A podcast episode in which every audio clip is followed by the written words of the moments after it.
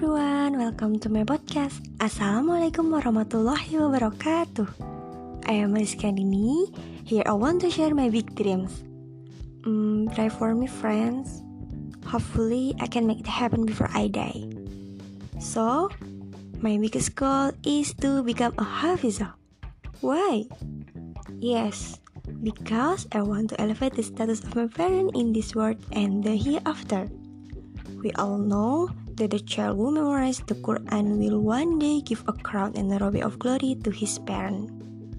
A Quran memorizes can benefit 10 people, and what I dream about is to be a family of God and still meet the Prophet in heaven.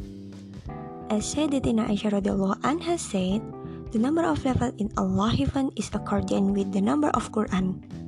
Therefore, there is nothing higher in Allah heaven than the expert of the Quran. Because later the expert of the Quran when he entered paradise Allah is taught to read and go up. Read as you read in the world and raise your position and degree in heaven.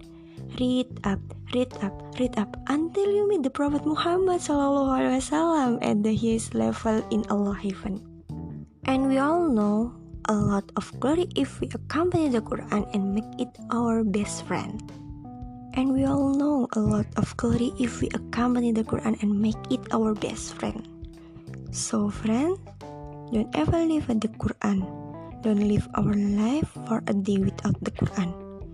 Let's read at least one verse a day from now on so that one day the Quran can make us brought before Allah and accompany us in the grave to heaven.